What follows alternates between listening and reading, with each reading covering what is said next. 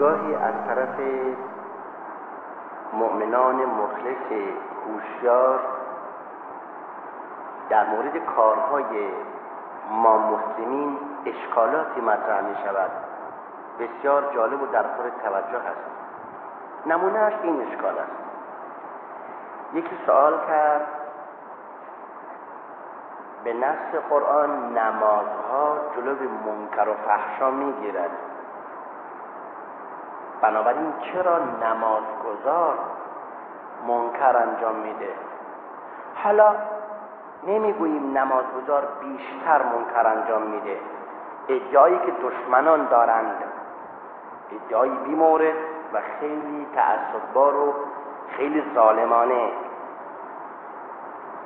اما که مسلمت آن است که مشاهده می شود شنیده می شود مشاهده می شود لمس می شود واضحه خیلی از نمازگذاران هستن که با خوندن نماز با اینکه نماز رو به جای میارن مرتکب خلاف ها می شوند از خلاف و ستم به زن و فرزند و برادر و شریک و رفیق گرفته تا ستم به هر کس بتوانند. خب نمازگذار داریم گواهی ناحق میده.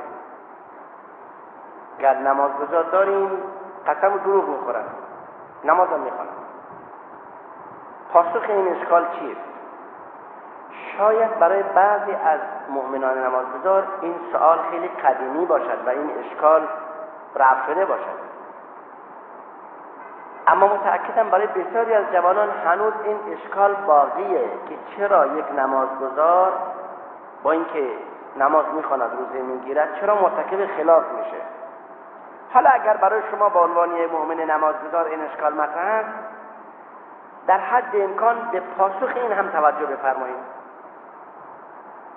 الجواب. به موجب بیانات رسول اکرم صلی الله علیه و آله ایمان درجات است. الإيمان بضع وسبعون شعبة أعلاها لا إله إلا الله وأدناها إماطة الأذى عن الطريق. ایمان هفتاد و چند درجه است. اعلاترین درجهش توحید یک تا پرستی همه جانبه است.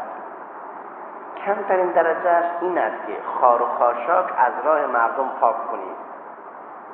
راه زندگی مردم را هموار نمایید. برای کسی اشکال تراشی نکنیم نان کسی را نبریم کسی را بیگناه به دام نیندازیم. کسی را در دست انداز زندگی قرار ندهیم. اماطت الاذى عن الطریق ایمان چیست؟ ایمان نتیجه و میوه کارهای شماست.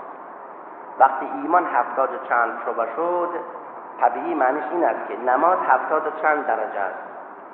خب همه نمازها که نمی‌توانند جلوی فحش و منکر بگیرد اگر نمازها بر اساس ضوابط کلی ظاهر و باطن شرع صورت بگیرند می‌تواند جلوی فحش و منکر هم بگیرد. انسان را از گواهی ناحق و دروغ و ظلم به شریک و رفیق باز دارد. ولی اگر نماز شرایط حسی و شرعی از درست به جای نیامده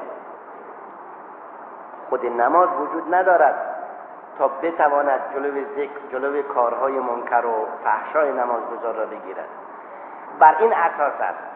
به مناسبت مختلفی به این موضوع اشاره شده که اگر شما انسان مسلمان مؤمن ملاحظه کردید که نمازگزاری خلاف می کنند نماز او را متهم کنید نه نماز را متهم کنید. دقت بفرمایید. نماز او را محکوم کنید نه نماز را محکوم کنید. نماز غیر از نماز شماست. مطلق نماز یعنی رابطه معنوی و روحی با خدا. این از هر جهت مقدسه و اگر کسی این رابطه را زنده نگه دارد امکان ندارد با وجود رابطه معنوی با خدای متعال امکان ندارد کسی که رابطه معنوی خود را با خدا حفظ کرده نمی‌تواند خلاف بکند. ولی اگر این رابطه وجود ندارد یعنی اون حالت قیام نماز حالت راز و نیاز و تعظیم خدا نیست. حالت سجده حالت سر به خاک سودن و نهایت کرنش و تعظیم پروردگار نیست. حالت رکوع حالت خم شدن در برابر عظمت خدا نیست. وقتی نماز چنین نباشد دیگه جلوی منکر نمی‌گیرد جلوی فحشا نمی‌گیرد. در زبان تسبیح و در دل گاو و خر این چنین تسبیح کی دارد اثر؟ و نمونه های این بارز آشکار در زندگی افراد دیده ایم. چه بسا افراد که هفتاد سال نماز می‌خواند ولی از نماز هیچ بهره ندارد. برای اینکه نماز درست نخونده. نیایش و رابطه معنوی با خدا برقرار نکرده. شکل ظاهری را حفظ کرده. این یکی از مطالب مهم زندگی یک مسلمان است که سعی کند اعمال ظاهری را درست انجام بده با شرایط دقیق معنوی را در نظر بگیرد انجام بده. حالا بعد منتظر نتیجه اون باشد. اگر نتیجه نمازها خودداری از منکر است و نزدیک شدن به درگاه خدا و روز به روز به خدا نزدیکتر شدن از اون نماز قبوله. ولی اگر نمازها تأثیری در زندگی روزمره نمازگزار نمی‌گذارد نمازی نیست که بشود روی اون حساب کرد و بشود به وسیله اون به صورت نردبانی به خدا نزدیک نمی شود بنابراین وقت شما می‌خوانید ان الصلاه تنها عن الفحشاء والمنکر ان الصلاه ال یک معنی خاص داره. یعنی نماز کامل مورد قبول الله. ان الصلاه الصلاه اون نماز کامل مورد قبول پروردگار طبعا مانع فحشا و منکر میشه. ولی اگر نماز شکلی باشد فقط شکل نماز دارد. طبیعی است که هیچ وقت نمی‌تواند جلوی کار بد بگیرد. ولی اگر نمازها درست بخوانیم حتما می‌تواند جلوی منکرات فحشا را بگیرد. اونقدر صحت این اعمال حساس است که رسول اکرم صلی الله علیه و آله و سلم بر اساس اینکه اگر نمازها درست انجام بگیرد می‌تواند به نحوی مانع منکرات فحشا بشود. روی اون خیلی فکر می‌کرده در مسانید و روایات معتبر آمده است که مسلمانی به مسجد نبوی آمد و از برادر ناخلف و بد اخلاق خود شکایت کرد. رسول الله صلی الله علیه و آله فرمود او نمازهای جماعت را با ما در این مسجد حاضر می شود شاکی گفت بله یا رسول الله نمازها پیوسته می آید ولی در خانه اخلاقش بده با هیچ کس رفتارش خوب نیست. حضرت صلی الله علیه و سلم فرمود ستنهاه صلاتو نمازهای جماعتش جلو را می‌گیرد. اطلاعش می‌کنه. چند روز بعد باز اون برادر شاکی برای دومین بار آمد همین شکایت رو تکرار کرد. حضرت باز سوال فرمود نمازها را ترک نکرده؟ نمازهای جماعت پشت سر ما در جماعت رسول الله. می‌خواند. گفت بله نمازها رو تغییر نداده می‌خواند. فرمود ستنها و صلاتو نمازش بالاخره اصلاحش می‌کنه. تا بار سوم یا شاید بار چهارم بود که اون برادر آمد و ضمن اظهار رضایت از برادر خودش بیان کرد یا رسول الله به طرز عجیبی این برادر تغییر اخلاق داده. الان رفتارش با همه کس در خانواده خوب است. با کلیه افراد خانواده روابط حسنه دارد و همه ازش راضی هستند. و همه تعجب می‌کنن که چگونه تغییر اخلاق داده. حضرت صلی الله علیه و آله به علامت خوشنودی آیه کریمه را تلاوت کرد. ان الصلاه تنها عن الفحشاء والمنکر. خب برمیگردیم به همون موضوع تحلیل کوتاه از این داستان. نمازی که پشت سر رسول الله صورت بگیرد. سرور عالم خورشید رسالت رحمتا للعالمین پیش نمازه. طبیعی است که هر چند نمازگذاری که پیوسته به جماعت میاد هر چند ناخلف باشد قسمتی از شعاع نبوت از نور خورشید رسالت در او اثر می‌گذارد. که مهمترین عاملش مواظبت بر جماعت بوده. در حال حاضر اگر کسی جماعت بخواند پیش نماز یک میلیاردوم اون تأثیر خورشید رسالت نمی‌تواند با خود داشته باشد. ولی به هر حال ما لا یدرک کله ما لا یدرک کله لا یدرک کله. اگر خیر و خوبی همه اش را نمی شود به دست آورد نمی شود همه اش را هم رها کرد. به جز به کم باید راضی باشیم. به نظر می رسد که در زمان ما کسی بتواند عبادت هایی را که انجام می‌دهد درست انجام بده. نواقصش برطرف کند به نحوی می‌تواند مانند زمان رسول الله صلی الله علیه و آله جلوی منکرات فحشا را بگیرد.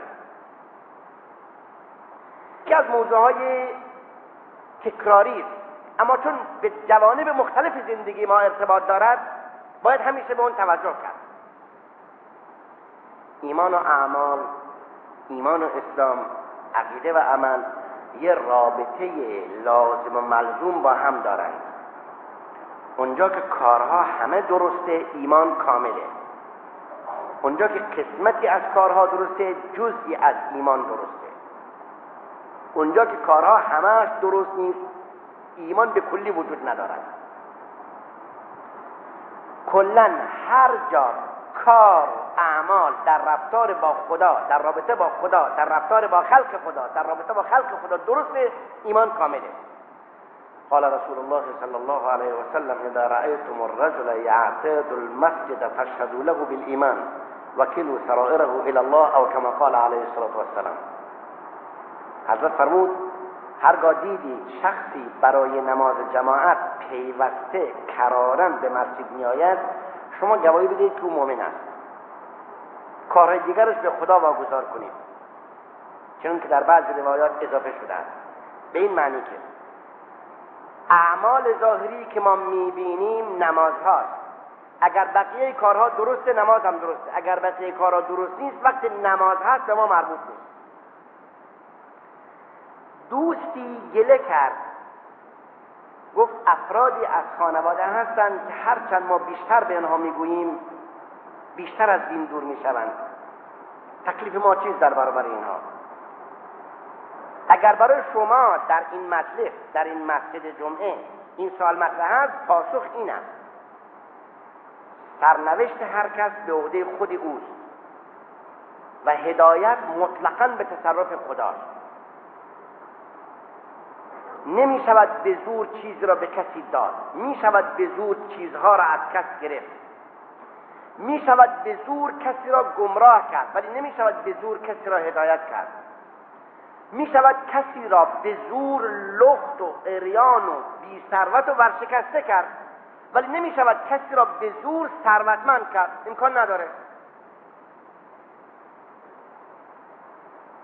برای اینکه گمراه کردن گرفتن است. می شود همه چیز از کسی گرفت. جیبا را خالی کرد.